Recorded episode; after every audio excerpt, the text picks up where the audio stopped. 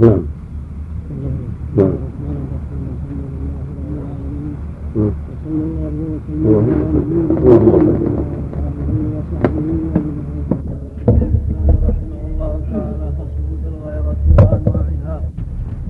وما فيها من محمود ومذموم في الصحيحين عن عبد الله بن مسعود عن النبي صلى الله عليه وسلم قال ما أحد اغير من الله من أجل ذلك حرم الفواحش. ما ظهر منها وما بطن وما أحد أحب إليه المدح من الله ولذلك مدح نفسه. وفي رواية لمسلم وليس أحد أحب إليه العذر من الله. من أجل ذلك أنزل الكتاب وأرسل الرسل. جمع النبي صلى الله عليه وسلم في هذا الحديث بين وصفه سبحانه بأكمل المحبة للممادح وأكمل البغض للمحارم. وفي الصحيحين عن المغيرة بن شعبة قال قال سعد بن عبادة لو رأيت رجلا مع امرأتي لأضربنه بالسيف غير مصفح فبلغ ذلك رسول الله صلى الله عليه وسلم. فقال أتعجبون من غيرة سعد؟ والله لا أنا أغير منه والله أغير مني ومن أجل ذلك ومن أجل غيرته ومن أجل غيرة الله حرم الفواحش ما ظهر منها وما بطن.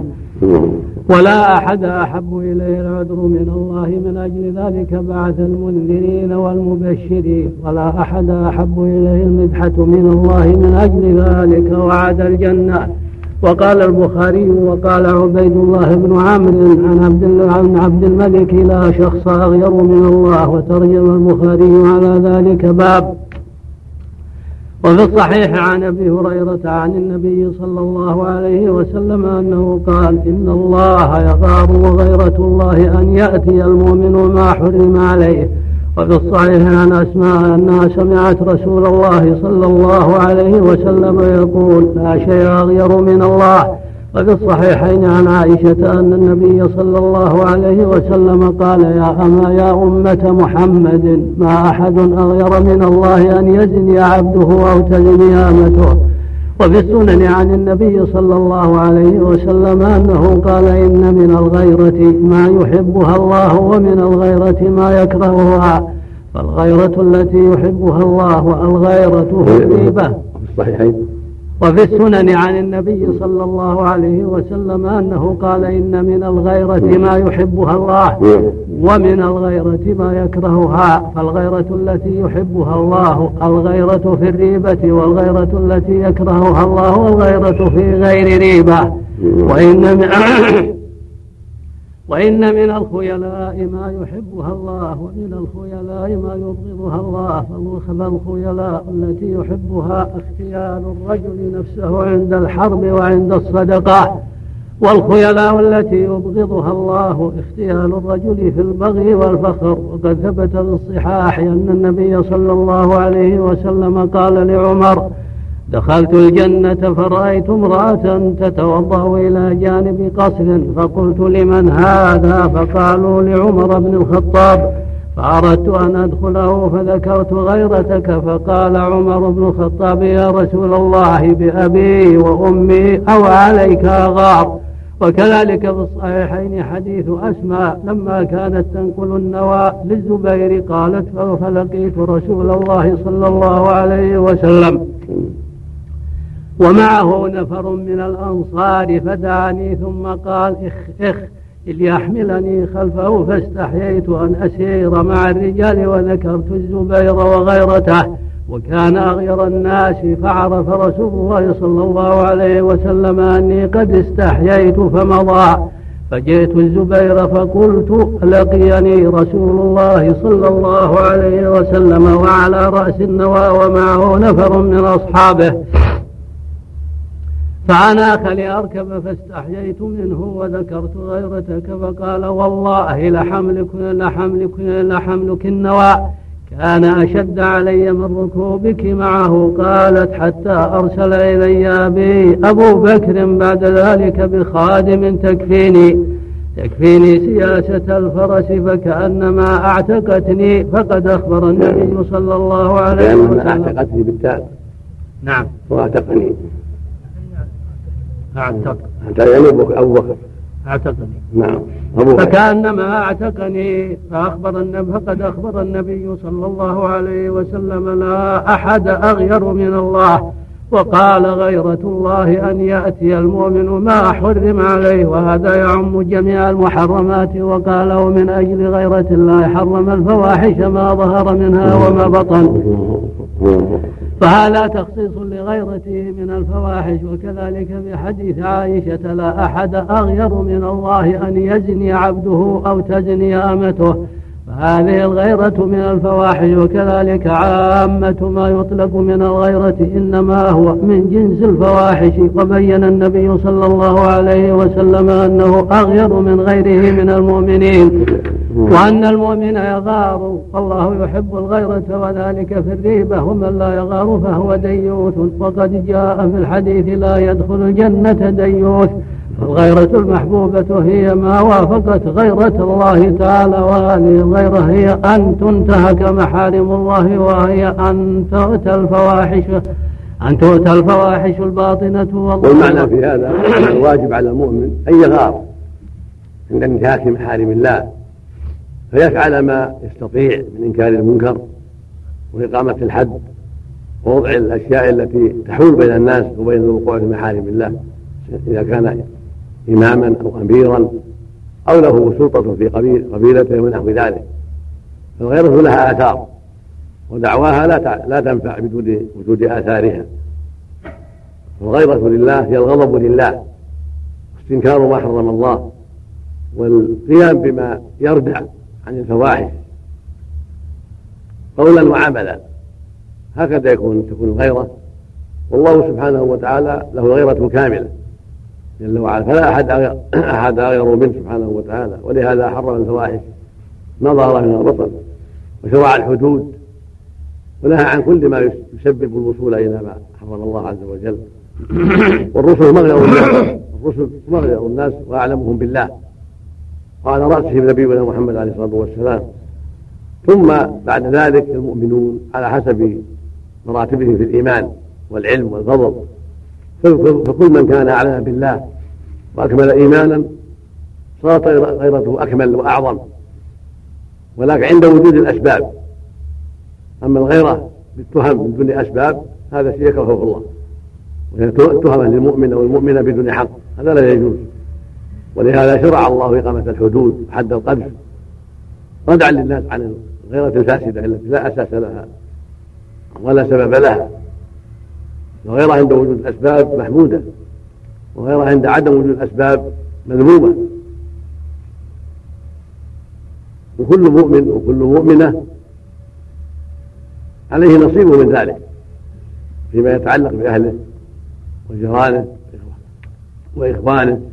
وأحبابه ومجتمعه حتى يكون نشيطا في الغيرة الشرعية مشجعا عليها حريصا على حماية مجتمعه وسلامة مجتمعه من ظهور الشر فيه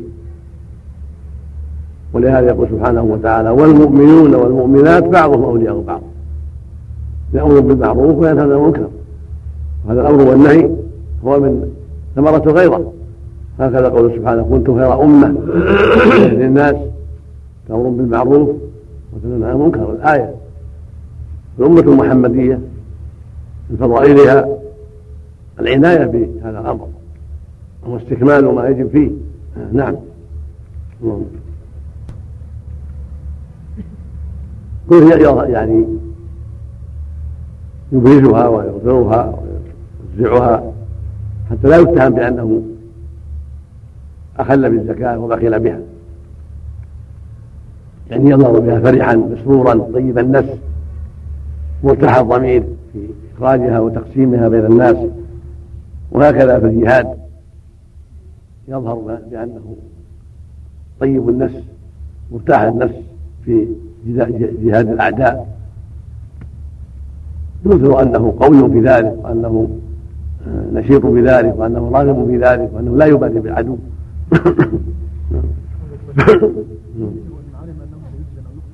نعم. لا ما يلزمه. يتقي الله ما استطاع.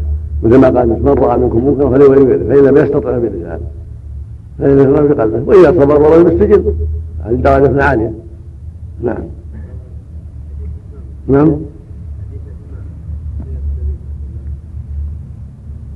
نعم.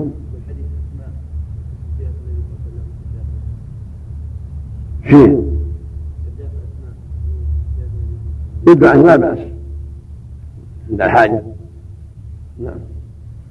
فالغيرة المحبوبة هي ما, هي ما وافقت غيرة الله تعالى وهذه الغيرة هي أن تنتهك محارم الله وهي أن تؤتى الفواحش الباطنة والظاهرة لكن الغير لكن لكن غيرة العبد الخاصة هي من أن يشرك والغير في أهله فغيرته من فاحشة أهله ليست كغيرته من زنا الغير.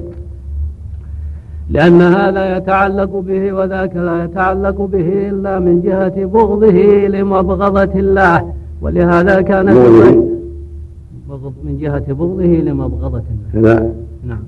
نعم نعم نعم نعم لمبغض الله. نعم ولهذا كانت الغيرة الواجبة الواجبة عليه هي في غيرته على أهله وأعظم ذلك امرأته ثم أقاربه. ومن هو تحت طاعته ولهذا كان له إذا جنت أن يلاعنها لما عليه في ذلك من الضرر بخلاف ما إذا جنى غير امرأته.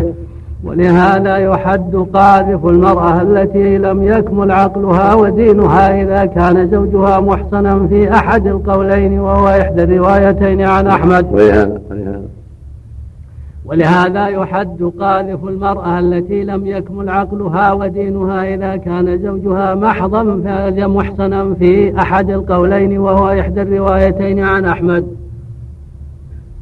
ولهذا يحد قاذف المرأة التي لم يكمل عقلها ودينها إذا كان زوجها محصنا في أحد القولين وهو إحدى الروايتين عن أحمد. إيش معنى مثلا كتابية ولهذا يحد ولهذا يحد. قاذف المرأة التي لم يكمل عقلها ودينها. إذا كان زوجها محسنا في أحد القولين. المرأة مكتوب إلا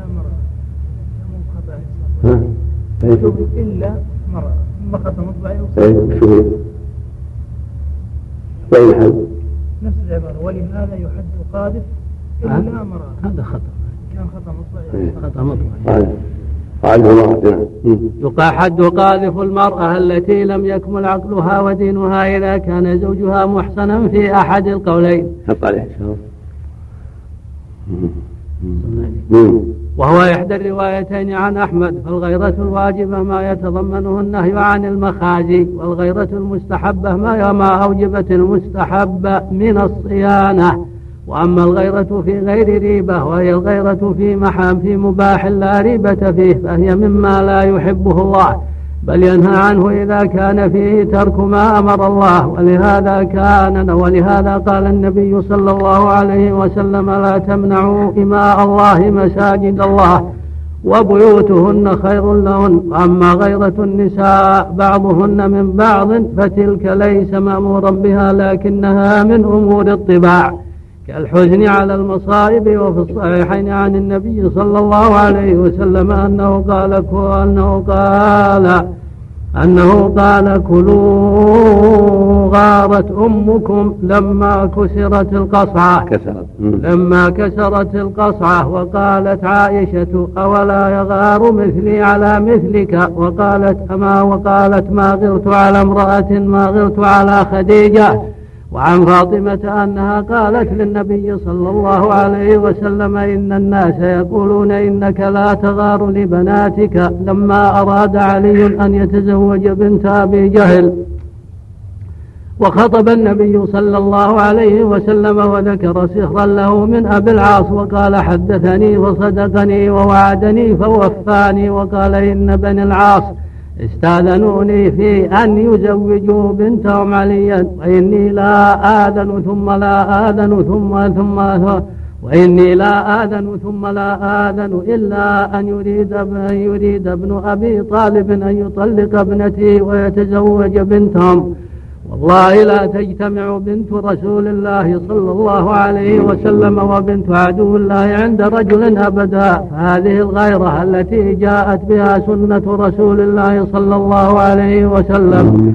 وغيرة الله أن يأتي العبد ما حرم عليه وغيرته أن يزني عبده أو تزني أمته وغيرة المؤمن أن يفعل ذلك عموما وخصوصا أن يفعل ذلك عموما وخصوصا في حقه والغيرة التي يحبها الله الغيرة في الريبة والغيرة التي يبغضها الغيرة في غير ريبة.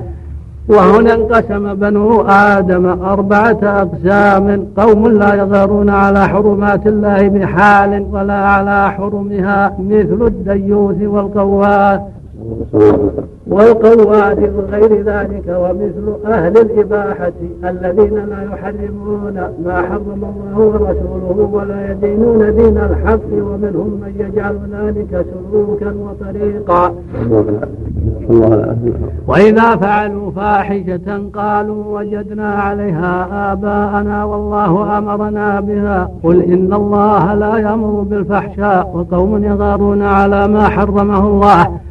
وعلى ما أمر به مما هو من نوع الحب والكره يجعلون ذلك غيرة فيكره أحدهم من غيره أمورا يحبها الله ورسوله ومنهم من جعل ذلك طريقا ودينا ويجعله ويجعلون الحسد والصد عن سبيل الله وبغض ما أحبه الله ورسوله غيره. وقوما يغارون على ما أمر الله به دون ما حرمه فنراهم في الفواحش لا يبغضونها ولا يكرهونها بل يبغضون الصلوات والعبادات. كما قال تعالى فيهم فخلف من بعدهم خلف أضاعوا الصلاة واتبعوا الشهوات فسوف يلقون غيا. وقوم يغارون مما يكرهه الله ويحبون ما يحبه. ويحبون ما يحبه الله. هؤلاء هم أهل الإيمان. فصل ومن أسباب ذلك ما وقع. رحمه الله. سمع الله المستعان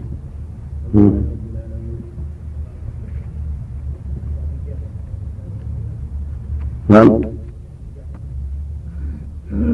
نعم. نعم. عدو الله أبوها يعني. نعم. هذا شيء من خصائص النبي صلى الله عليه وسلم. اللهم صل عليه وسلم بل جاء بين اثنتين وبين ثلاث لا بأس به. أربع كما جاء به النص. هذا شيء اختص به صلى الله عليه وسلم لما يحصل لابنته من التاثر فهي بضعه منه يهيبه ما يهيبها أو يوليه ما يوليها عليه الصلاة والسلام. نعم. نعم.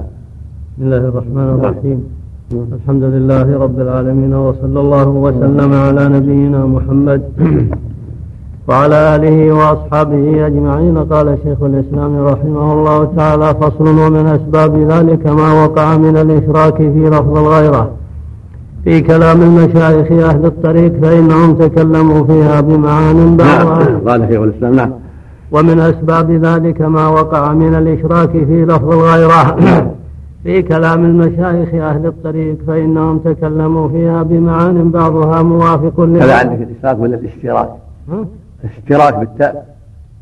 لعلها الإشتراك. لعلها الإشتراك. يعني إنها كلمة مشتركة. كل له معنى فيها نعم.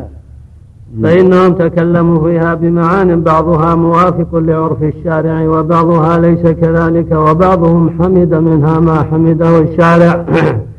وبعضهم وبعضهم حمد منها ما لم يحمده الشارع بل ذمه وقد تقدم أن الغيرة التي وصف الله بها نفسه إما خاصة وهو أن يأتي المؤمن وما حرم عليه وإما عامة وهي غيرته من الفواحش ما ظهر منها وما بطن وأما الغيرة في اصطلاح طائفة من أهل الطريق فقال أبو القاسم القشيري نعم.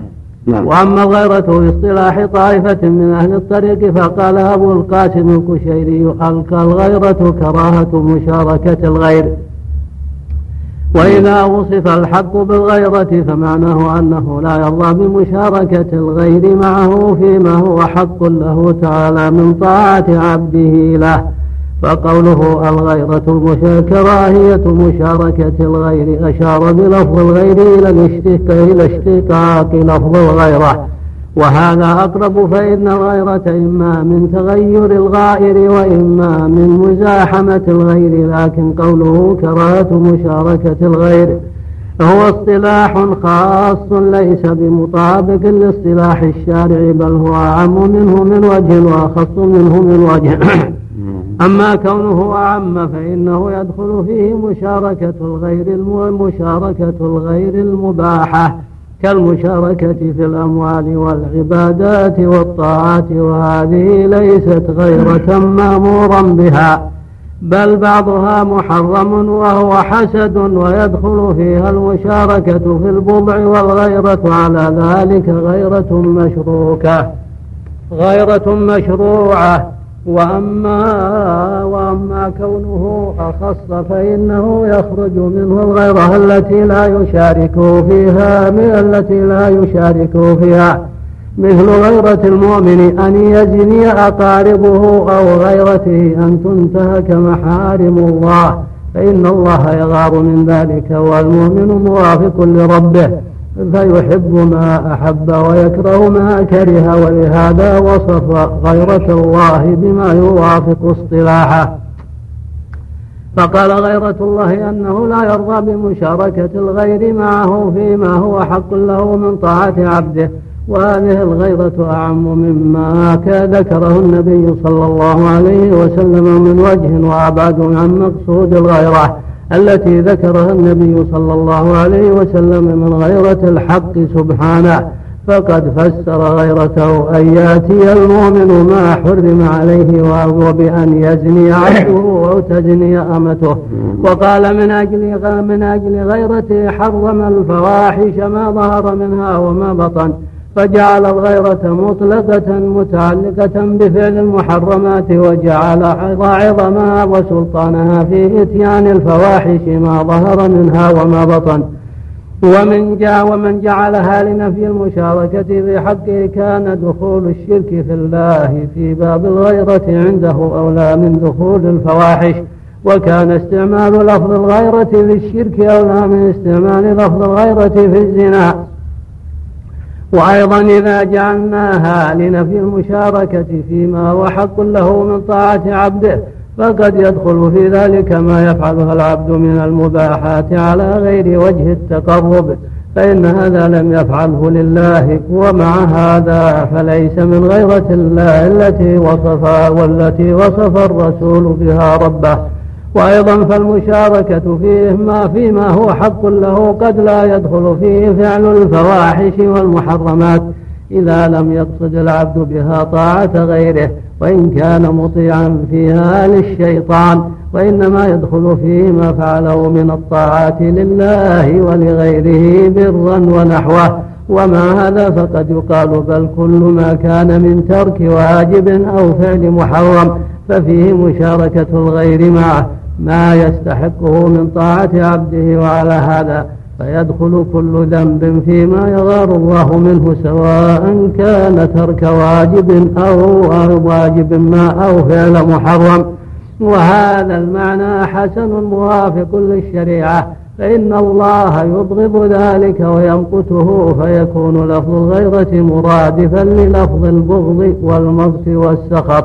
لكن هو أعم مما يظهر في عرف الشارع حيث جعل غيرته أن يأتي المؤمن ما حرم عليه وجعل غيرته أن يزني عبده أو تزني أمته ومن غيرته أن حرم الفواحش ما ظهر منها وما بطن. وهذه الغيرة أخص من بغضة البغض إلا أن يقال ترك للشريعة وأما تسميته غيره فهو أمر اصطلاحي والنزاع فيه لفظي ثم إنه ذكر عن بعض المشايخ مذهبين في الغيرة أحدهما يتضمن الغيرة مما لا يغار الله منه بل يحبه. والثاني يتضمن ترك الغيرة مما يغار الله منه ويحب الغيرة منه ويأمر بذلك وكلاهما مذهب مذموم متضمن إما لترك مأمور يحبه الله أو لفعل مكروه يكرهه الله وذكر من كلامه وكلام المشايخ ما هو حسن مقبول فاشتمل كلامه في الغيرة على الأقسام الثلاثة. فالأول من الغيرة كراهة توبة العاصين وعبادة المقصرين كما فالأول فالأول. من الغيرة كراهة توبة العاصين وعبادة المقصرين. كما ذكر عن الشبلي أنه سئل عن ما متى يستريح. قال إذا لم أر له ذاكرا. وقال حكي إن أن الشبلي مات ابن له. كان اسمه أبو الحسن فحزنت أمه عليه. وقطعت شعرها ودخل الشبلي ودخل الشبلي الحمام. وتنور بلحيته فكل من أتاه معزيا له. قال إيش هذا؟ يا أبا بكر فكان يقول موافقة لأهلي. فقال هو موافقة؟ فكان يقول موافقة لأهلي. فقال له بعضهم أخبرني يا أبا بكر لم فعلت هذا؟ قال علمت أنهم يعزونني على الغفلة ويقولون آجرك الله تعالى. ففديت ذكرهم لله تعالى على الغفلة بلحيتي. قال وأذن الشبلي مرة فلما انتهى إلى الشهادتين قال لولا أنك أمرتني ما ذكرت معك غيرك قال أوسى قال وسمع النوري رجلا يؤذن فقال طال هذا وهذا من فقد عليه وودح في عقله بسببه. شبلي له مواقف غريبة. تتلاه ضعفا في العقل ضعفا في التصرف. وإن صح عنه ما ذكر عنه من هذا وأشبهه فإن حلق اللحية منكر كيف يفعله ولأجل موافقة أهله أو لأجل إشغال معزين له في ذلك. هكذا قول الشهادتين. فإن ما بعد الشهادتين فيه تعظيم لله حي على الصلاة حي على الفلاح دعوة لما أمر به. فليس في ذلك شيء مستنكر. نعم اللهم نعم.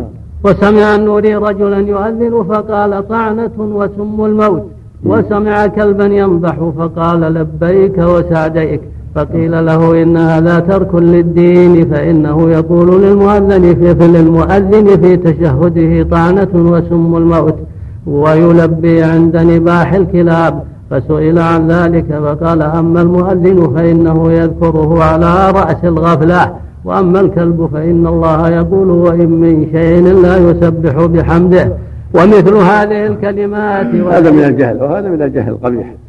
هذا من جهلهم وانحراف عقولهم حتى صاروا كالمجانين. نسأل الله العافية. نعم.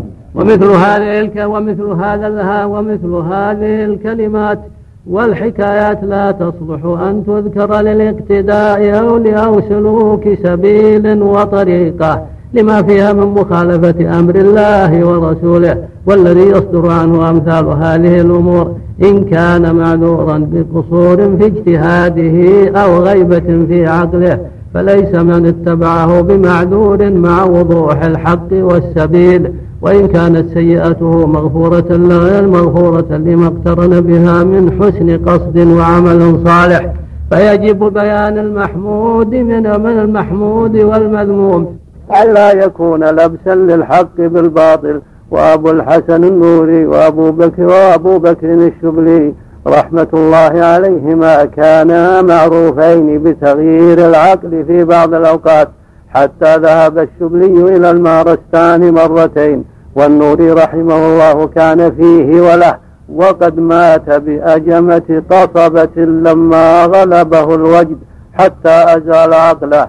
ومنها ومن هذه حال لا يصلح أن يتبع في حال لا يوافق أمر الله ورسوله وإن كان صاحبها معذورا أو مغفورا له.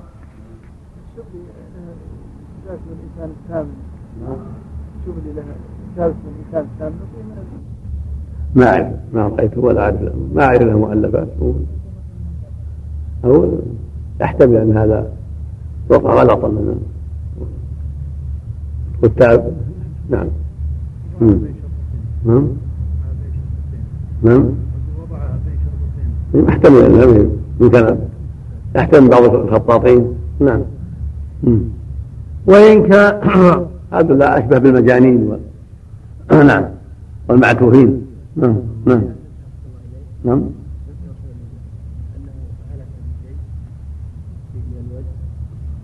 منها اصطدم بأكبة حتى هلك بأجمة حتى هلك. أبو الحسن النوري هجمة هجمة هجمة كان يعني خشبة أو قطعة حجر أو شيء. نعم. ومن هذه حاله لا يصلح أن يتبع في حال لا يوافق أمر الله ورسوله. وإن كان صاحبها معذورا أو مغفورا له وإن كان له من الإيمان والصلاح والصدق والمقامات المحمودة ما هو من أعظم الأمور فليس هو في ذلك بأعظم من السابقين الأولين من المهاجرين والأنصار والذين اتبعوهم بإحسان فإنهم يتبعون في طاعة. ولا يذكرون إلا بالجميل الحسن وما صدر منهم من ذنب أو تأويل وليس هو مما أمر الله به ورسوله لا يتبعون فيه. فهذا أصل يجب اتباعه فحلق اللحية منهي عنه ومثلة كرهها مقصود من هذا مقصود من هذا أن ما ثبت من خطأ أو زلل لا يتبع فيه قائله ولو كان من العلماء الكبار ولو كان من الصحابة ولو كان من التابعين. الخطأ لا يتبع فيه أحد. ما دل الكتاب والسنة على أنه خطأ من صاحبه لا يتبع فيه. وإنما يتبع في الحق والصواب. هذا لو كان في سلف الأمة القرون المفضلة فكيف إذا كان في المتأخرين؟ من الصوفية وأشباههم. من باب أولى أن يطرح ما قالوه أو فعلوه مما يخالف الحق. وإنما يؤخذ منهم ما وافق الحق. ويحمدون عليه وأما ما خالف الحق فينكر عليهم ويبين بطلانه نعم. فحلق اللحية منهي عنه. دخل عليه من قلة العلم دخل على هؤلاء أكثره من قلة العلم. رضوا بالأحوال والزهد وأشياء التي اقتضوها لأنفسهم من العبادات كالصوم المستمر والصلاة ونحو ذلك وأعرضوا عن العلم فوقعوا في جهالات كثيرة. فحلق اللحية منهي عنه ومثلة كرهها الله ورسوله والمعزي أو المؤذن وإلا والمعزي أو المؤذن وإن لم يكن معه كمال الحضور فلا يجوز سبه وذمه على ما أظهره من ذكر الله بل يؤمر بما يكمل ذلك من حقائق القلوب المحمودة وإن كان ذاكرا لله بلسانه فأعظم المراتب ذكر الله بالقلب واللسان ثم ذكر الله بالقلب ثم ذكر الله باللسان. وقد روي أن الملائكة حضرت محتضرا لم تجد له حسنة إلا أن لسانه يتحرك بذكر الله وكان ذلك مما رحمه الله به. وقد قال رجل للنبي صلى الله عليه وسلم أوصني فإن شرائع الإسلام قد كثرت علي. فقال لا يزال لسانك رطبا بذكر الله. وقال الله تعالى أنا مع عبدي ما ذكرني والذي والذكر يكون بلسان الإنسان ولكن يكون لقلبه من ذلك نصيب. إذ الأعضاء لا تتحرك إلا بإرادة القلب. لكن قد تكون الغفلة غالبة عليه وذلك الكلام خير من العدم والله يحبه ويأمر به. وكان النبي صلى الله عليه وسلم إذا سمع المؤذن لم يغزو وإلا أغار وكثير من المؤذنين لا يكون كامل الحضور بل المنافقون الذين يظهرون الإيمان بألسنتهم دون قلوبهم. يقرون على ذلك في الظاهر بأمر الله ورسوله فكيف بالمؤمن؟ وفي الصحيحين عن أبي هريرة عن النبي صلى الله عليه وسلم أنه قال إذا سمعتم نهاق الحمير فتعوذوا بالله من الشيطان فإنها رأت شيطانا وإذا سمعتم صياح الديكة فاسألوا الله من فضله فإنها رأت ملكا. وفي سنن أبي داود عن جابر قال قال رسول الله صلى الله عليه وسلم إذا سمعتم نباح الكلاب ونهيق الحمير بالليل فتعوذوا بالله منهن فإنهن يرين ما لا ترون. وثبت في الصحيحين عنه من حديث أبي هريرة أنه قال إذا أذن المؤذن أدبر الشيطان وله ضراط. حتى لا يسمع التأذين. فإذا قضي التأذين أقبل فإذا توب بالصلاة أدبر. فإذا قضي التثويب أقبل حتى يخطر بين المرء ونفسه. فيقول اذكر كذا اذكر كذا لما لم يكن يذكر. حتى يظل الرجل لم يدر كم صلى. فإذا كان التأذين يطرد الشيطان ونباح الكلاب يكون عن رؤية الشياطين. كيف يصلح أن يقال لهذا طعنة وسم الموت لأجل تقصير هذا بغفلته بغفلة في قلبه؟ ولهذا لبيك وسعديك لكون الكلب يسبح بحمده فإن هذه حجة فاسدة. أما ذلك الغافل فإن أجره ينقص بغفلته كما روى أبو داود في السنن عن عمار عن النبي صلى الله عليه وسلم أنه قال إن العبد لينصرف من صلاته ولم يكتب له منها إلا نصفها إلا ثلثها إلا ربعها إلا خمسها إلا سدسها حتى قال إلا عشرها. فلا ريب أن الأجر ينقص بالغفلة لكن استحقاق العقوبة نوع آخر. وإذا استحق العبد وإذا استحق العقوبة لم يجز أن تكون عقوبته مقابلة لما أظهره من الحسنة. وأما نباح الكلب إن كان تسبيحا فصوت المؤذن أولى أن يكون تسبيحا فبكل حال لا يكون نباح الكلاب الذي يقترن به الشيطان أدنى من ذلك من صوت المؤذن الذي هو سبب لهروب الشياطين.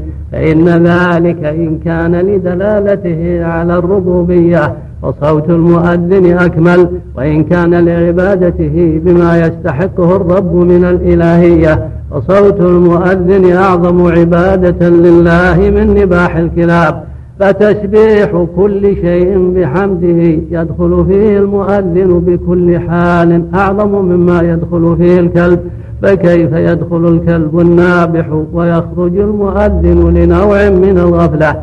فهذا والكلب محرم اقتناؤه إلا لضرورة من صيد أو حرث أو ماشية.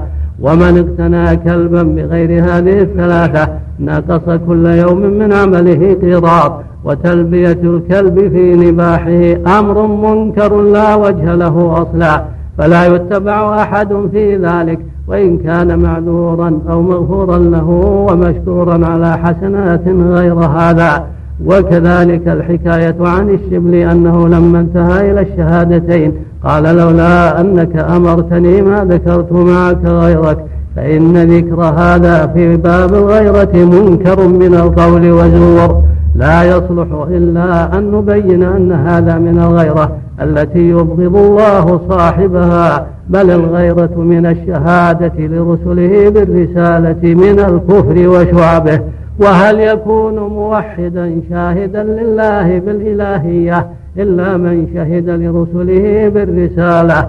وقد بينا في غير موضع من القواعد وغيرها أن كل من لم يشهد برسالة المرسلين فإنه لا يكون إلا مشركا يجعل مع الله إلها آخر وأن التوحيد والنبوة متلازمان وكل من ذكر الله كل من ذكر الله عنه في كتابه أنه مشرك فهو مكذب للرسل ومن أخبر عنه أنه مكذب للرسل فإنه مشرك. ولا تتم الشهادة لله بالإلهية إلا بالشهادة لعبده بالرسالة كما جاء مرفوعا في قوله تعالى ورفعنا لك ذكرك قال لا أذكر إلا ذكرت معي. ولا تتم لأمتك خطبة ولا تشهد حتى يشهدوا أنك عبدي ورسولي. وكذلك الحكاية التي سمعت سمعت سمعتها من بعض الفقراء عن أبي الحسن الخز عن أبي عن أبي الحسن عن أبي الحسن الخزفاني أنه قال لا إله إلا الله من داخل القلب. وكذلك سمع رحمه الله. سمع الله بسم الله الرحمن الرحيم الحمد لله رب العالمين وصلى الله وسلم على نبينا محمد وعلى آله وصحبه أجمعين قال رحمه الله تعالى وكذلك الحكاية التي سمعتها من بعض الفقراء عن أبي الحسن الخزفاني أنه قال لا إله إلا الله من داخل القلب محمد رسول الله من القرب قال أبو القاسم لا إله إلا الله من داخل القلب محمد رسول الله من القرب قرب. القرب قاف راء باء. وطاء قرط قرط. عجيب. نعم سبحان الله. نعم. اللي يجعل في الأذن عجائب نعم. قال أبو القاسم ومن ينظر إلى هذا هذا اللفظ يتوهم أنه استصغر الشرع ولا كما ولا كما ولا كما يخطر بالبال إذ الإخطار للأغيار بالإضافة إلى قدر الحق متصاغرة في التحقيق وهذه الحكاية أيضا من أقبح الكلام وأفحشه وذكر هذا في باب الغيرة من أنكر المنكر فإن هذا الكلام لا يقال إنه استصغار للشرع بل هو من أكبر شعب النفاق وأعظم أركان الكفر. وصاحبه إن لم يغفر الله له لحسن قصده في تعظيم الرب كما غفر للذي قال إذا أنا مت فأحرقوني واسحقوني. وذروني في اليم فغفر له شكه في قدرته على إعادته لخشية منه ولم يتب من مثل هذا الكلام.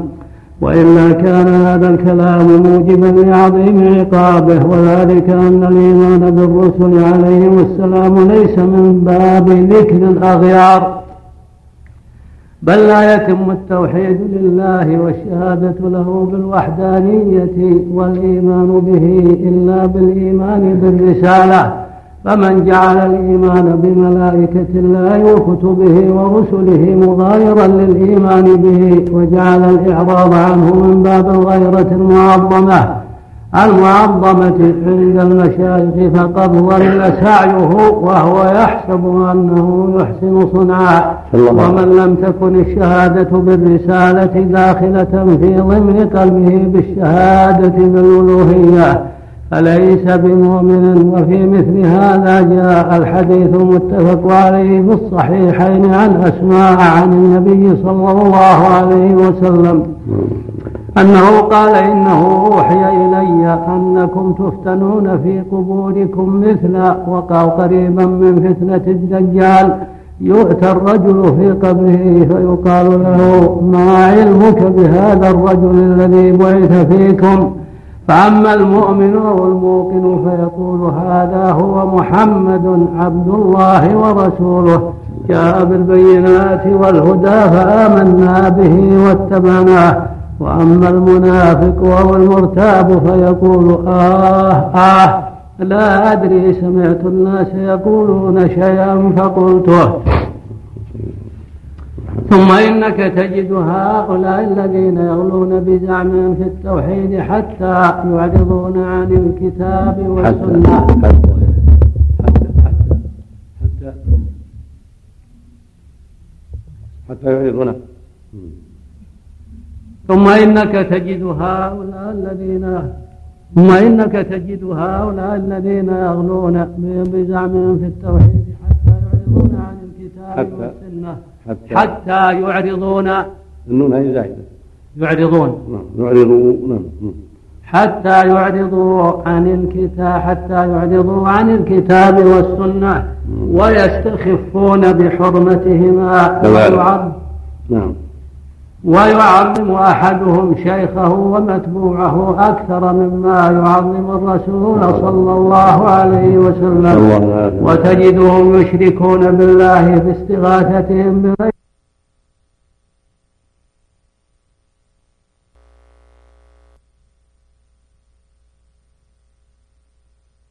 ثم إنك تجد هؤلاء الذين يغلون بزعمهم في التوحيد. حتى- حتى حتى يعرضون النون هذه زائدة.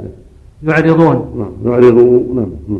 حتى يعرضوا عن الكتاب حتى يعرضوا عن الكتاب والسنة ويستخفون بحرمتهما. نعم. ويعظم أحدهم شيخه ومتبوعه أكثر مما يعظم الرسول صلى الله عليه وسلم. وتجدهم يشركون بالله في استغاثتهم بغيره وخوفهم ورجائهم لغيره ومحبتهم لغيره فتجد فيهم من أنواع الشرك الجلي والخفي. التي نهى الله عنها ورسوله ما الله به عليم ومع هذا فيعرضون عما هو من تمام التوحيد زعما منهم أنهم يحققون التوحيد. مم. وأما اعتذار أبي القاسم عنه بأن الأخطار للأغيار بالإضافة إلى قدر الحق متصاغرة فعذر باطل وذلك أن الشاهد للرسول بالرسالة. لم يجعله ندا لله ولا شريكا له ولا ظهيرا حتى يفاضل بينهما. هذا الكلام يليق بمن يقول إن الله ثالث ثلاثة أو يجعل لله شريكا وولدا أو بمن يستغيث بمخلوق ويتوكل عليه أو يعمل له. أو يشتغل أو يشتغل به عن الله فيقال له فاعبده واصطبر لعبادته هل تعلم له سميا ويقال له فاعبد الله مخلصا له الدين. ألا لله الدين الخالص والذين اتخذوا من دونه أولياء. ما نعبدهم إلا ليقربونا إلى الله زلفى. إن الله يحكم بينهم يوم القيامة فيما هم فيه يختلفون. وقوله تعالى أم اتخذوا من دون الله شفعاء قل أولو كانوا لا يملكون شيئا ولا يعقلون. قل لله الشفاعة جميعا إلى أمثال ذلك مما في كتاب الله من الآيات التي فيها تجريد التوحيد وتحقيقه وقطع ملاحظة الأغيار في العبادة. والاستغاثة والدعاء والمسألة والتوكل والرجاء والخشية والتقوى والإنابة ونحو ذلك مما هو من خصائص حق الربوبية التي لا تصلح لما لملك مقرب ولا لنبي مرسل. فأما الإيمان بالكتاب والرسول فهذا من تمام الإيمان بالله وتوحيده وتوحيده لا يتم إلا به. وذكر الله بدون هذا غير نافع أصلا بل هو سعي ضال وعمل باطل لم يتنازع المسلمون فيه أن الرجل لو قال أشهد أن لا إله إلا الله ولم يقر بأن محمدا رسول الله أنه لم يكن مؤمنا ولا مسلما ولا يستحق إلا العذاب ولو شهد أن محمدا رسول الله لكان مؤمنا مسلما عند كثير من العلماء. وبعضهم يفرق بين من كان معترفا بالتوحيد كاليهود ومن لم يكن معترفا به وبعضهم لا يجعله مسلما إلا بالنطق بالشهادتين وهي ثلاثة أقوال معروفة في مذهب أحمد وغيره. وهذا معنى ما يروى في بعض الآثار. يا محمد تذكر ولا أذكر فأرضى وأذكر ولا تذكر فأقبض. يعني ذكره بالرسالة ومن ذكره بالرسالة فقد تضمن ذلك ذكر الله. وأما من ذكر الله ولم يذكره بالرسالة فإنه لا يكون. هذا بالنسبة إلى من؟ يأتي بالشهادة وهو موحد ولكن لا يأتي بشهادة لا إله إلا الله. قال أشهد أن محمدا رسول الله وهو موحد لله مؤمن بأنه لا شريك له ولكنه لم يأتي بلفظ الشهادة عند عند قوله أشهد أن محمدا رسول الله ولكنه مقر بها ومؤمن بها قد أتى بها في وقت آخر. وأما من جحد لفظ الشهادة فقد أجمع العلماء على أنه كافر ولا يكون مسلما أبدا حتى يأتي بالشهادتين إذا كان ينطق به يستطيع النطق بهما. فلا بد من الشهادتين نطقا وعقيدة. فلو اعتقد أن محمد رسول ولم ينطق بذلك أو اشهد أن لا إله إلا ولم ينطق بذلك ولا وأبى يكون كافرا حتى ينطق بذلك حتى يقر بذلك. فلا بد منهما لفظا ومعنى. ولهذا كفر اليهود ولو وحدوا. ولو قالوا قالوا إنهم يوحدون الله. كفروا بإنكارهم نبوة محمد صلى الله عليه وسلم. وهكذا النصارى وهكذا غيرهم من كذب محمد عليه الصلاة والسلام. ولو عبد الله. ولو اخلص لله حتى يؤمن بمحمد عليه الصلاة والسلام. فلا بد من الأمرين من توحيد الله والإيمان برسول الله عليه الصلاة والسلام. كما أنه لا بد أيضا من الإيمان بجميع الرسل الملائكة الكتب إلى غير ذلك كما هو معلوم. هذه الأقوال الثلاثة في حق من من هو موحد ولكن تلفظ بشهادة أن محمدا رسول الله ولم يتلفظ بالشهادتين أو أتى بشهادة أن لا إله إلا الله وهو مؤمن بأن محمدا رسول الله ولكن لم يتلفظ بها. هذا محل نظر. إذا كان قد أتى بها سابقا واستقام عليها سابقا ولكن عند المطالبة لم يأتي بذلك هذا وجه. وإلا فالكلام هذا فيه شيء. حط عليه إشارة أقوال فهي أقوال ثلاثة. صف كم؟ صف كم؟ أقوال ثلاثة. 25 الجد الثاني؟ اي نعم. هذا كلام فيه إجمال. قد أجمع علماء السنة أن لا بد من الشهادتين هذا أمر لا نزاع فيه.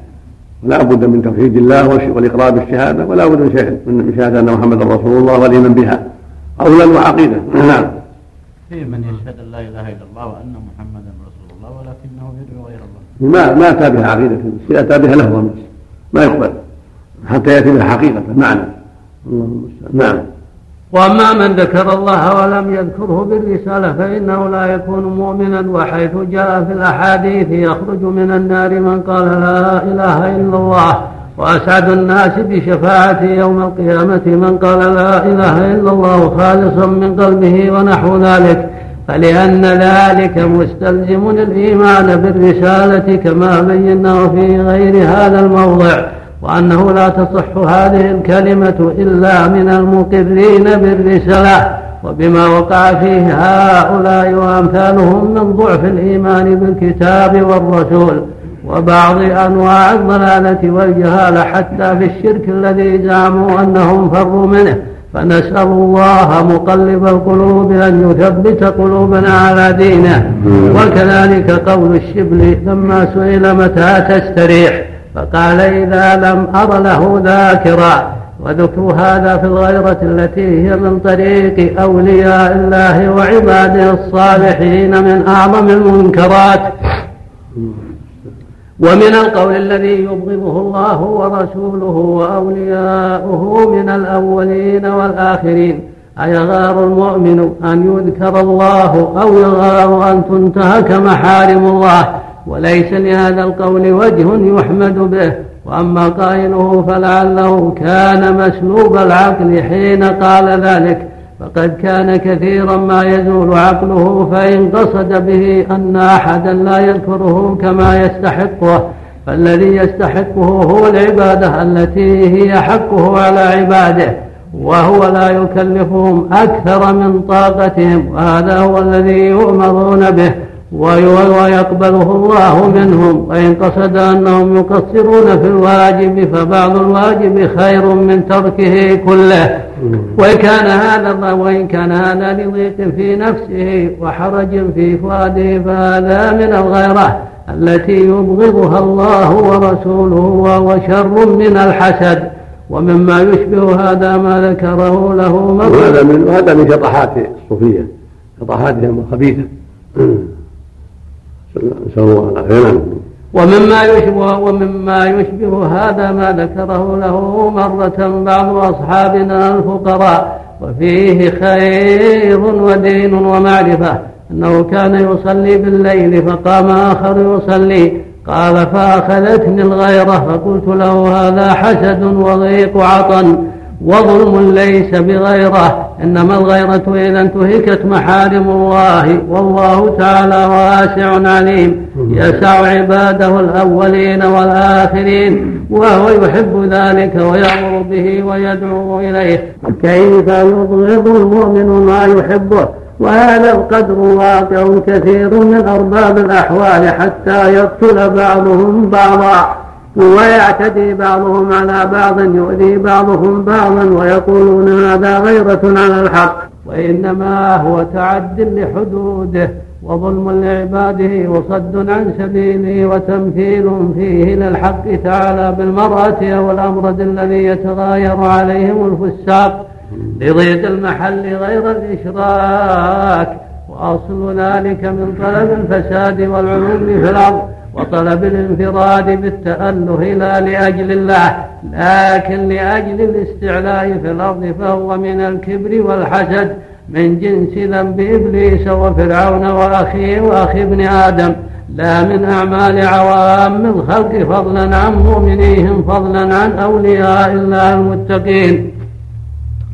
ولهذا نجد أمثال هؤلاء من أقل الناس غيرة إذا انتهكت محارم الله. ويكون المؤمنون منهم في تعب والمشركون منهم في راحة ضد ما كما نعت الله به المؤمنين حيث قال أشداء على الكفار رحماء بينهم وقال أذلة على المؤمنين أعزة على الكافرين. فشأنهم من جنس الخوارج الذين قال فيهم النبي صلى الله عليه وسلم يقتلون أهل الإسلام ويدعون أهل الأوثان. وأما المذهب الثاني فإنه قال ومن الناس من قال إن الغيرة نعم. لا حول ولا قوة فإنها لا تعمل أبصار ولكن تعمل القلوب التي في الصدور. هؤلاء الضالون لا يستريحون إلا إذا رأوا الناس غافلين عن ذكر الله. يستريحون إذا غفل الناس عن ذكر حتى يتفردوا هم بالعبادة وحدهم. هذا الجهل الزائد نعوذ بالله والضلال البعيد. نعوذ بالله. نعم. صلى الله وسلم. نعم.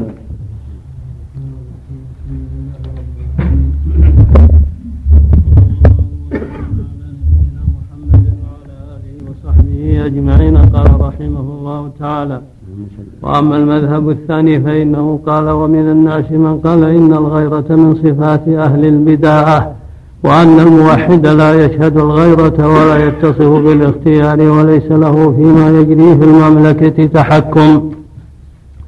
بل الحق سبحانه أولى بالأشياء فيما يقضي على ما يقضي. وقال سمعت الشيخ أبا عبد الرحمن السلمي رحمه الله يقول سمعت أبا عثمان المغربي يقول الغيرة من عمل المريدين؟ فأما أهل الحقائق فلا قال وسمعته يقول سمعت أبا فأما فأما أهل الحقائق فلا قال سمعته يقول سمعت أبا نصر الأصبهاني يقول سمعت الشبلي يقول الغيرة غيرتان؟ فغيرة البشرية على النفوس وغيرة الإلهية على القلوب. قلت أما نفي الغيرة مطلقا وجعلها من عمل المريدين فهذا يضاهي قول من يشهد الربوبية. وأن الله خالق كل شيء وربه ومليكه لا يشهد توحيد الإلهية وما يستحقه الرب من عبادته وطاعته وطاعة رسله فلا يفرق بين المؤمن والكافر والأعمى والبصير والظلمات والنور. وأهل الجنة وأهل النار وهذا من جنس قول المشركين الذين قالوا لو شاء الله ما أشركنا ولا آباؤنا ولا حرمنا من شيء. فإن المشركين استدلوا بالقدر على نفي الأمر والنهي والمحبوب والمكروه والطاعة والمعصية. ومن سلك هذا المسلك فهو في نوع من الكفر البين. وقول القائل إن الموحد لا فهو في نوع نعم. فهو في نوع من الكفر البين. نعم. وقول القائل إن الموحد لا يتصف بالاختيار كلام مجمل فإن أراد به أنه لا يختار بنفسه ولنفسه فقد أحسن. وإن أراد به أنه لا يختار ما اختاره الله وأمر به وأحبه ورضيه وأمره هو أن يختاره. أن يختاره ويريده ويحبه فهذا كفر وإلحاد بل المؤمن عليه أن يريد ويختار ويحب ويرضى ويطلب ويجتهد فيما أمر الله به وأحبه ورضيه وأراده واختاره دينا وشرعا. وكذلك قوله ليس له فيما يجري في المملكة تحكم إن أراد به أنه لا يعارض الله في أمر في أمره. أنه لا يعارض الله في أمره ونهيه فهذا حسن وحق فإن عليه أن يرضى بما أمر الله به ويسلم لله. ومن ذلك التسليم لرسوله صلى الله عليه وسلم. كما قال تعالى فلا وربك لا يؤمنون حتى يحكموك فيما شجر بينهم ثم لا يجدوا في أنفسهم حرجا مما قضيت ويسلموا تسليما. وقال تعالى وما كان لمؤمن ولا مؤمنة إذا قضى الله ورسوله أمرا أن يكون لهم الخيرة من أمرهم وقال تعالى ذلك بأنهم اتبعوا ما أسخط الله وكرهوا رضوانه فأحبط أعمالهم. وقال تعالى ذلك بأنهم قالوا للذين كرهوا ما أنزل الله سنطيعكم في بعض الأمر والله يعلم إسرارهم. وقال تعالى وإذا ما أنزلت سورة فمنهم من يقول أيكم زادته هذه إيمانا فأما الذين آمنوا فزادتهم إيمانا وهم يستبشرون. وأما الذين في قلوبهم مرض فزادتهم رجسا إلى رجسهم وماتوا وهم كافرون وأمثال هذا كثير. وقال النبي صلى الله عليه وسلم من حالت شفاعته دون حد من حدود الله فقد ضاد الله في أمره رواه أبو داود وغيره. وقوله الموحد لا يشهد الغيرة ولا يتصف بالاختيار فالتوحيد الذي بعث الله به رسله وأنزل به كتبه هو أن يعبد الله وحده لا شريك له فهو توحيد الألوهية. وهو مستلزم لتوحيد الربوبية وهو أن يعبد الحق رب كل شيء فأما مجرد توحيد الربوبية وهو شهود ربوبية الحق لكل شيء فهذا التوحيد كان في المشركين كما قال تعالى وما يؤمن أكثرهم بالله إلا وهم مشركون وأصل صلاح القلب صلاح إرادته ونيته. فإن لم يصلح ذلك لم يصلح القلب والقلب هو المضاح التي إذا صلحت صلح لها سائر الجسد وإذا فسدت فسد لها سائر الجسد. وكذلك دون حد من حدود الله. نعم. يقول صفحتين ها؟ تأمل تعدي الصفحتين صفحتين؟ صفحتين؟ عندهم. أنا ما عندي صفحتين. ها؟ 33 34 عندي. ما عندك شيء؟ أبدا. سلم انت ها؟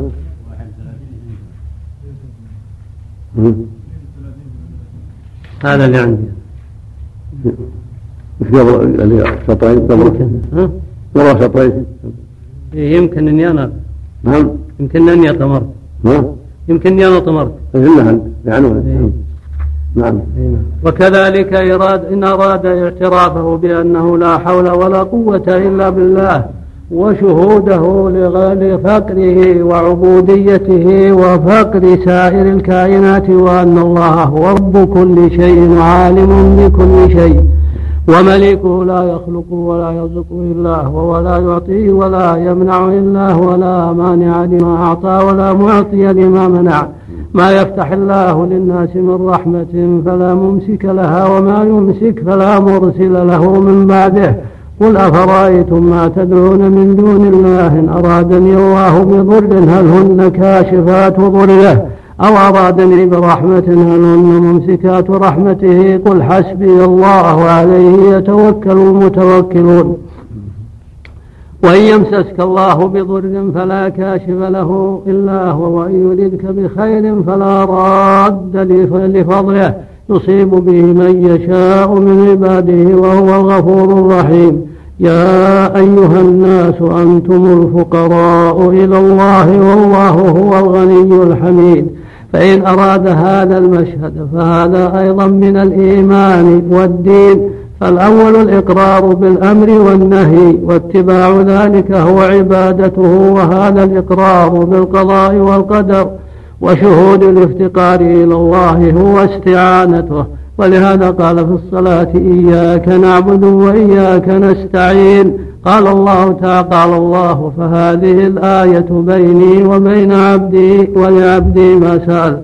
وعلى هذا يخرج قول أبي يزيد أريد أريد أن لا أريد أي أريد أن لا أريد بنفسي ولنفسي بل لا أريد إلا ما أمرتني أنت بإرادته وأما عدم الإرادة مطلقا فمحال طبعا وطلبه محرم شرعا والمقر بذلك فاسد العقل والدين والمريد لجميع الحوادث المأمور بها والمنهي عنها كافر بدين الله. وما والمريد لجميع الحوادث المأمور بها والمنهي عنها. كافر بدين الله وما جاءت به رسله. وأما المريد لما أمر لما أمر أن يريده ويعمله والكاره لما نهي عنه فهذا هو المؤمن الموحد. فإن أراد بقوله الموحد لا يشهد الغيرة ولا يتصف بالاختيار أنه لا يختار شيئا أصلا لا مما أمر به ولا مما نهي عنه. فهذا مع بطلانه في الواقع وفساده في العقل فهو من أعظم المروق من دين الله. إذ عليه أن يريد كل ما يحبه الله تعالى ويرضاه له ويحبه له ويستعين الله على هذه الإرادة والعمل بها فإنه لا حول ولا قوة إلا بالله. كما قال كما كان النبي صلى الله عليه وسلم يقول يا مقلب القلوب ثبت قلوبنا على دينك واصل صلاح القلب صلاح إرادته ونيته فإن لم يصلح ذلك لم يصلح القلب والقلب هو المضغة التي إذا صلحت صلح لها سائر الجسد وإذا فسدت فسد لها سائر الجسد وكذلك قوله ليس له فيما يجري في المملكة تحكم إن أراد به أنه لا يغار هذا كله يبين أن كلمات الصوفية ومشايخهم كلمات خطيرة يقع فيها من الالتباس والإبهام والشمول وعدم التفصيل. ما فيه ضلال وشر على من لم يعرف مرادهم ولم يفصل فيما أجملوا وأن الصواب هو التمسك بما جاء في الشرع من الأوامر والنواهي والمدح والذم والمحبة والكراهة. فيكون المؤمن متقيدا بما جاء في الشرع. فما مدحه الله وأحبه وأثنى عليه أخذ به المؤمن وأثنى عليه وأحبه وآثره. وما كرهه الله وأبغضه وأنكره كرهه المؤمن وأبغضه وأنكره. فالمؤمن متقيد بما جاء في الشرع فهو مع الأوامر فعلا ومع النواهي تركا. فليس له اختيار وليس له إرادة إلا ما أراده الله ورسوله وما أمر الله به ورسوله. أما تحكيم العقول وتحكيم الإرادات مطلقة. هذا شأن من لا إيمان له ولا بصيرة له من ضلال الصوفية وجهالتهم ومارقيهم. مقصود من هذا أن الواجب التقيد بما دل عليه الكتاب والسنة حبا وكراهة وإرادة وتركا وأمرا ونهيا في جميع الأحوال. فالإيمان بأن الله هو الخلاق الرزاق المحيي المميت هذا لا يكفي. هذا قر به المشركون. ومع ذلك لم يكفيهم حتى يشهدوا أن لا إله إلا الله. وحتى يخصوا الله بالعبادة حتى يؤمنوا بأسمائه وصفاته. توحيد الربوبية يستلزم توحيد الإلهية ويقتضيه. وهكذا توحيد الأسماء والصفات يستلزم ذلك. وأما توحيد الإلهية هو يتضمن توحيد الربوبية وتوحيد الأسماء والصفات لأن المعبود بالحق يجب أن يكون مستكبر لجميع الصفات العظيمة من كونه خالقا ورازقا ومدبرا وله الأسماء الحسنى والصفات العلى ولهذا استحق أن يعبد. واستحق أن يؤلى دون جميع المخلوقات سبحانه وتعالى. ولهذا خاطب الله جل وعلا جميع الخلق بأن يعبدوه وحده ويخصه بالعبادة وأنه لا يكفيه من يقول إنه إن الله هو الخالق الرازق وإن الله ربنا حتى يعبدوه حتى يخصوه بالعبادة دون الآلهة الأخرى. ولهذا قال عز وجل وإلهكم إله واحد لا إله إلا هو الرحمن الرحيم قال ولا تتخذوا إلها إنما هو إله واحد قال إياك نعبد وإياك نستعين. قال ربك ألا تعبدوا إلا إياه وما أمروا إلا ليعبدوا الله مخلصين. كل هذا خطاب لهؤلاء الذين يقرون بأن الله ربهم وأن الله خالقهم. فلم يكفهم ذلك ولم يكتف الرب منهم بذلك حتى يخصوه بالعبادة وحتى يفردوه بها دون كل ما سواه سبحانه وتعالى. نعم. وكذلك قوله ليس له فيما يجري في المملكة تحكم إن أراد به أنه لا يغار إذا انتهكت محارم الله ولا يغضب لله ولا يأمر بمعروف ولا ينهى عن منكر ولا يجاهد في سبيل الله فهذا فاسق مارق بل كافر وإن أظهر الإسلام فهو منافق وإن كان له نصيب من الزهد والعبادة ما كان فيه ومعلوم أن المؤمن لا يخلو من ذلك بالكلية ومن خلا من ذلك بالكلية فهو منافق محض وكافر صريح إذ المؤمن لا بد أن يكون الله ورسوله أحب إليه مما سواهما. ولا بد أن يتبرأ من الإشراك بالله وأعداء الله كما قال تعالى لقد كان لكم في رسول الله لقد كان لكم قد لقد كان لكم أسوة حسنة. قد كان. قد لقد قد كان. ما فيها لام صحيح. عندي لام غلط. لا غلط. قد كان لكم أسوة قد كانت لكم. آية آية ممتحنة نعم. قد كانت لكم. نعم. هي الأولى. آية ممتحنة نعم. قد كان لكم أسوة حسنة في قد إبراهيم كانت كانت بالتاء. مم. قد كانت لكم أسوة حسنة في إبراهيم والذين معه. إذ قالوا لقومهم إنا براء منكم ومما تعبدون من دون الله كفرنا بكم وبدا بيننا وبينكم العداوة والبغضاء أبدا حتى تؤمنوا بالله وحده. وقال عن إبراهيم عليه السلام أفرأيتم ما كنتم تعبدون أنتم وآباؤكم الأقدمون فإنهم عدو لي إلا رب العالمين. وقال تعالى وإذ قال إبراهيم لأبيه وقومه إنني براء مما تعبدون إلا الذي فطرني فإنه سيدين وقال تعالى لا تجد قوما يؤمنون بالله واليوم الآخر يوادون من حاد الله ورسوله ولو كانوا آباءهم أو أبناءهم أو إخوانهم أو عشيرتهم أولئك كتب في قلوبهم الإيمان وأيدهم بروح منه. وقال تعالى ترى كثيرا منهم يتولون الذين كفروا لبئس ما قدمت لهم أنفسهم أن سخط الله عليهم. أن سخط الله عليهم وفي العذاب هم خالدون. ولو كانوا يؤمنون بالله والنبي وما أنزل إليهم اتخذوهم أولياء. ولكن كثيرا منهم فاسقون. وقال تعالى لا تتخذوا الذين اتخذوا دينكم هزوا ولعبا من الذين أوتوا الكتاب من قبلكم والكفار أولياء. وقال وقال لا تتولوا قوما غضب الله عليهم وهذا كثير جدا. وأيضا فالقائل لذلك لا يثبت عليه بل لا بد لا بد أن يكره أمورا كثيرة مضرة وكثيرا ما يعتدي في إنكارها حتى يخرج عن العدل عن العدل فهذا خروج عن العقل والدين. وعن الإنسانية بالكلية إذا أخذ على عمومه. وأما إن قاق وأما إن وأما إن قبل ذلك في بعض الأمور بحيث يترك الكراهية أحيانا لما كرهه الله والغيرة أحيانا إذا انتهكت محارم الله. فهذا ناقص الإيمان بحسب ذلك.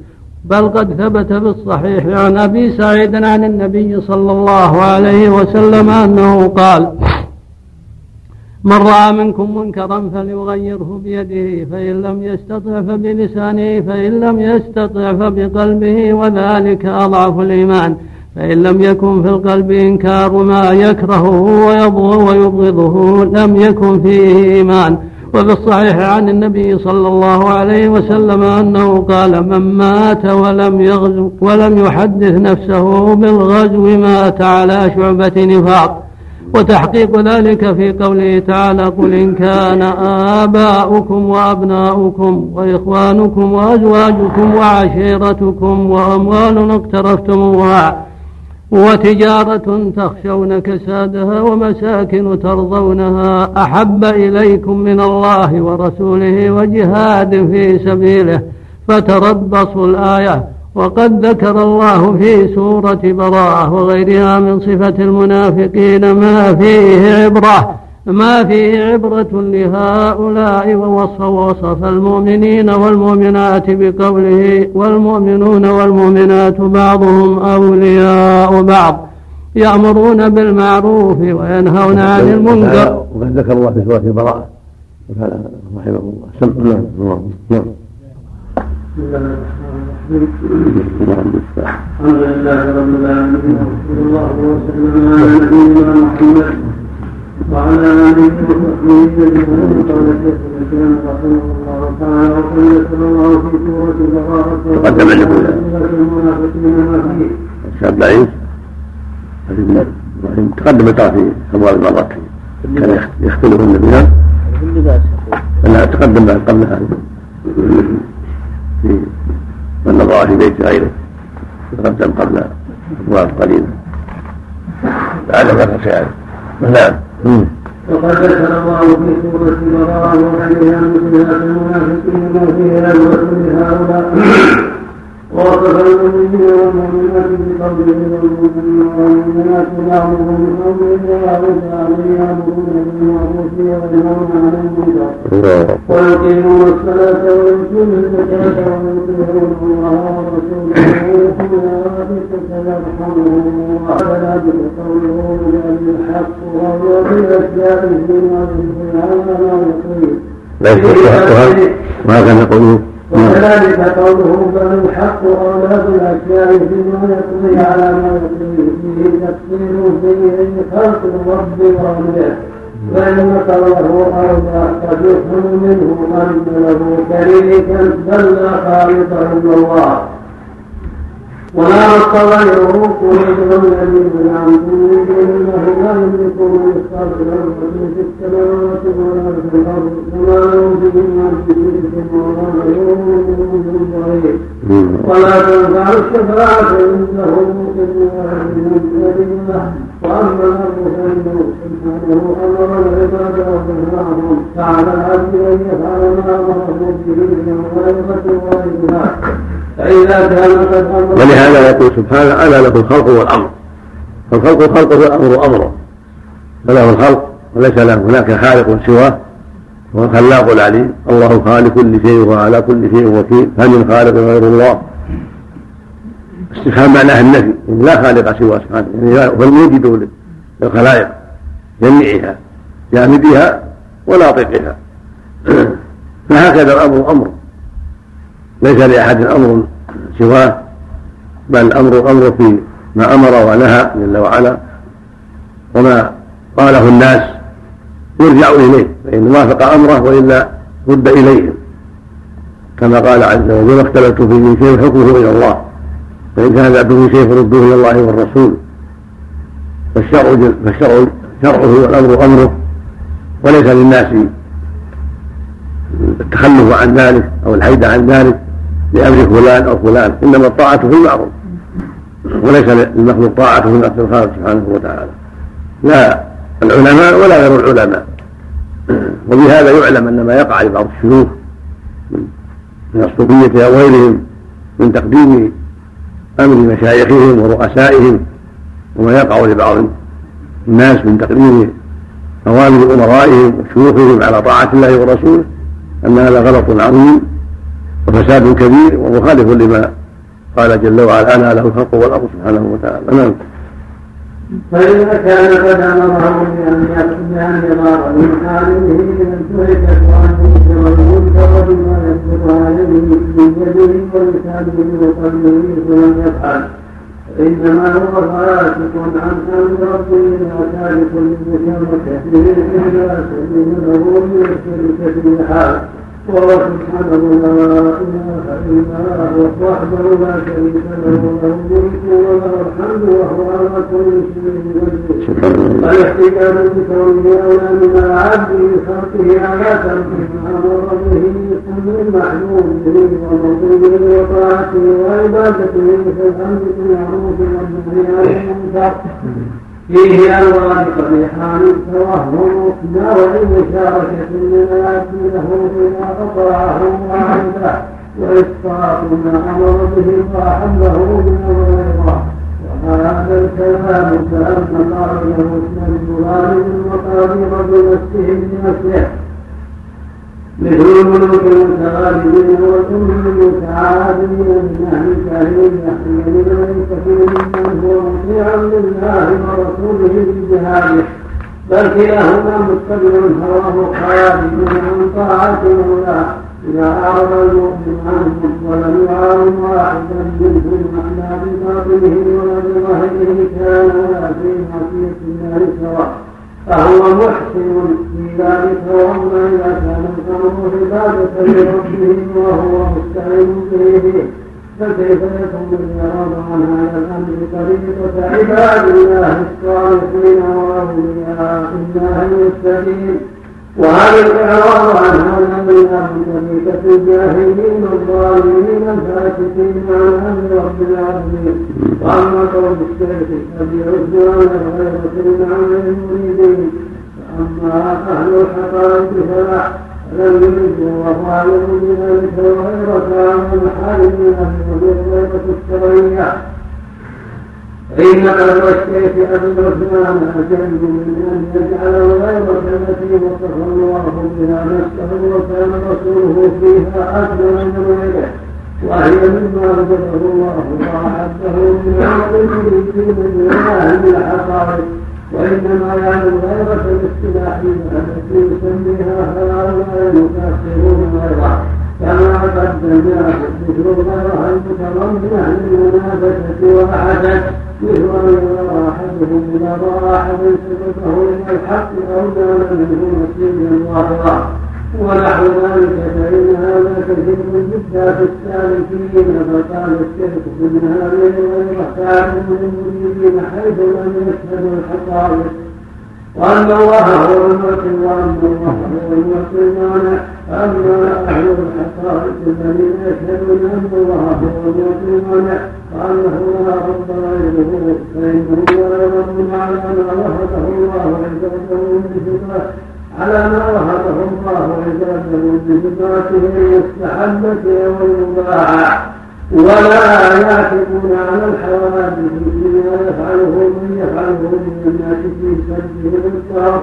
ولا ثبت بالصحيح عن النبي صلى الله عليه وسلم أنه قال لا تسد الدهر فإن الله هو الدهر بيده الأمر بقلبه الليل والنهار وقال يقول الله تعالى يؤذي ابن آدم يسد الدهر وأنا الدهر.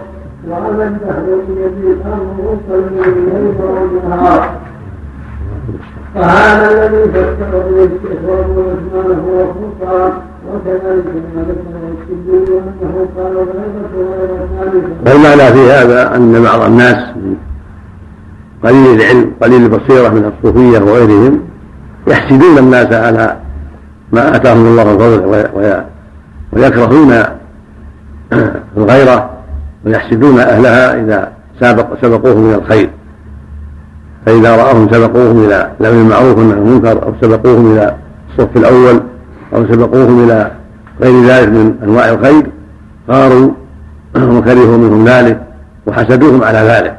وهذا غلط كبير بل الواجب أن يحب أن يحبوا على هذا وأن يجتهد الإنسان يتأسى بهم.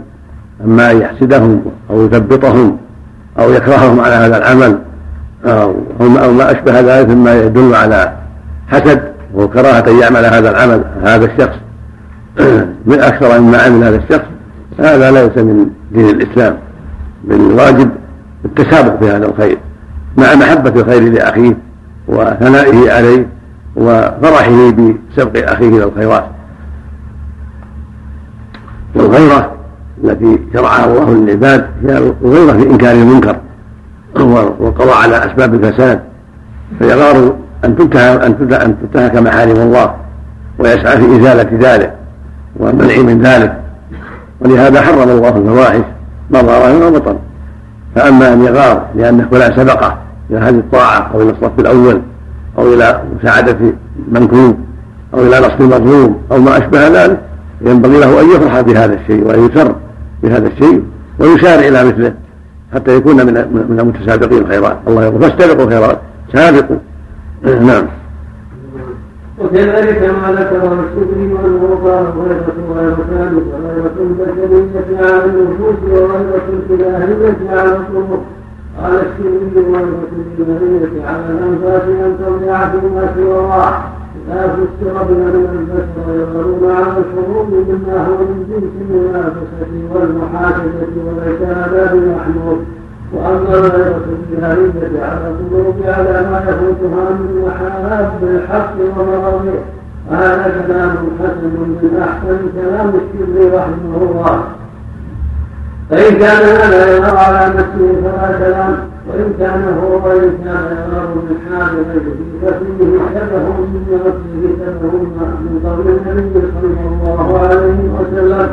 لا حسد إلا فتنتين وجد رجل آتاه الله الحكمة فهو يخرجها ويعلمها ورجل آتاه الله المال وسلطه على هلكته في الحق فإنه أخبر أنه لا ينبغي لأحد أن يربط أحدا على هذا. وكذلك ما ذكره أبو القاسم الشهيد بعد ذلك حيث قالوا حيث قال والله وان قال الخيرة غيرتها وهذا حسد يسمونه حسد الغبطة. وهو أن يتمنى أن يكون له مثل عمل أخيه ولا يتمنى زوالها عن أخيه إذا تمنى زوالها عن أخيه صار حسد الحسد المذموم والظلم. لكن يربطه بهذا الخير ويتمنى أن يكون مثله في ذلك. وأن يحصل له مثل ما حصل لأخيه. فإذا رآه ينفق ويحسن أحب أن يكون مثله. وإذا رآه يكثر من قراءة القرآن أحب أن يكون مثله. وإذا رآه يحكم بالحق ويأمر بالحق ويدعو إليه أحب أن يكون مثله. هذا هو الحسد الذي أراده النبي صلى الله عليه وسلم. لا حسد إلا في اثنتين نعم. لا غبطة نعم. وكذلك ما ذكره ابن القاسم الكشيري بعد ذلك حيث قال.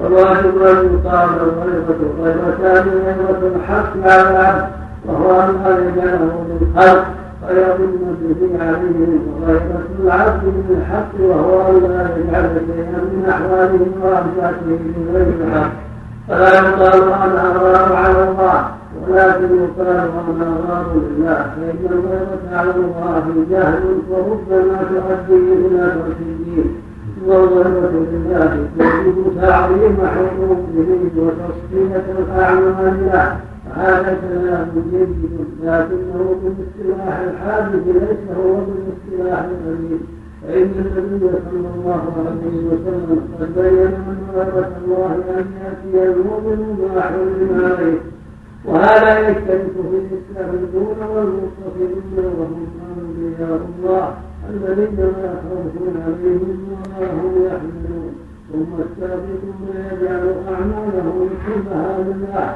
فإنهم الذين لا يزالون يتقربون إلى الله بالنوافل حتى يحبهم ومن أحب لله وأغضب لله وأعطى لله ومنع لله فقد استكمل الإيمان. فإذا صاروا عن العمل بغيره فصارت أعمالهم كلها لله تركوا المحارم وأتوا الواجبات والمستحبات وقد شبه تنزيههم عن فضول المباح وعن فعل المكروهات وترك المستحبات غير من الحق عليهم فهذا أمر اصطلاحي لكن المعنى صحيح موافق للكتاب والسنة وأما قوله غيبة العبد من الحق ما يجعل شيئا من احواله وانفاسه من الحق.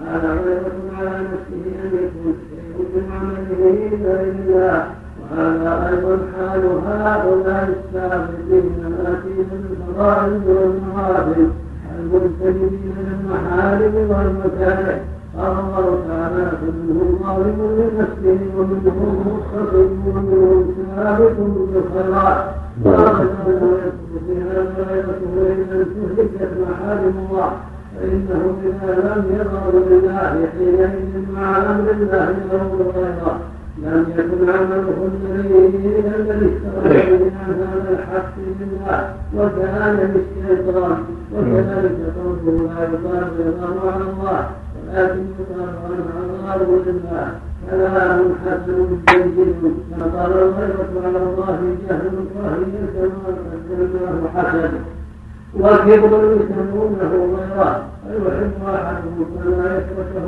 غيره في التقرب إلى الله وابتغاء الوسيله اليه ويريدون أن يسموا ذلك باسم حسن لئلا يذموا عليه. ويسمونه لأن من عادة البشر اذا احب احدهم انسانا محبه طبيعيه سواء كانت محبته محرمة كمحبة الأمرة والمرأة الأجنبية أو غير محرمة كمحبة المؤمن أنها أنه ببشريته يرى من أو في ذلك أحد فجعلوا محبتهم لله بمنزلة هذه المحبة وهذا من أعظم الجهل والظلم محبة الله شأنها أن يحب العبد وأن جميع المخلوقات يثبتونه في ذلك. كما قال النبي صلى الله عليه وسلم الذي نفسي بيده لا يؤمن احدكم حتى يحب لاخيه من الخير ما يحب لنفسه ومثل هذه الغيره المعلومه ما ذكرهم طائفه من السلف قالوا لا تقبل شهاده الله يقال الفقهاء بعضهم على بعض لأن بينهم حسد كحسد النفوس على أجل الغنم لأن لأن لأن بينهم الله أكبر. لأن بينهم. نعم لأن بينهم حسد كحسد النفوس. كذا كذا حسد لعله بالنص. لأن بينهم. لأن بينهم حسد لأن بينهم حسدا نعم نعم. كحسد النفوس على ذريبة الغنم نعم. قال فلان وفلان يتساوون على الرياسة تساوي البحرين. فلا ريب أن دخول البهائم تتغير وتتحاسب وتتساوى علينا فيها. يطلب كل منها من الآخر يملأ البحر كما يتغير دخول الآدمي على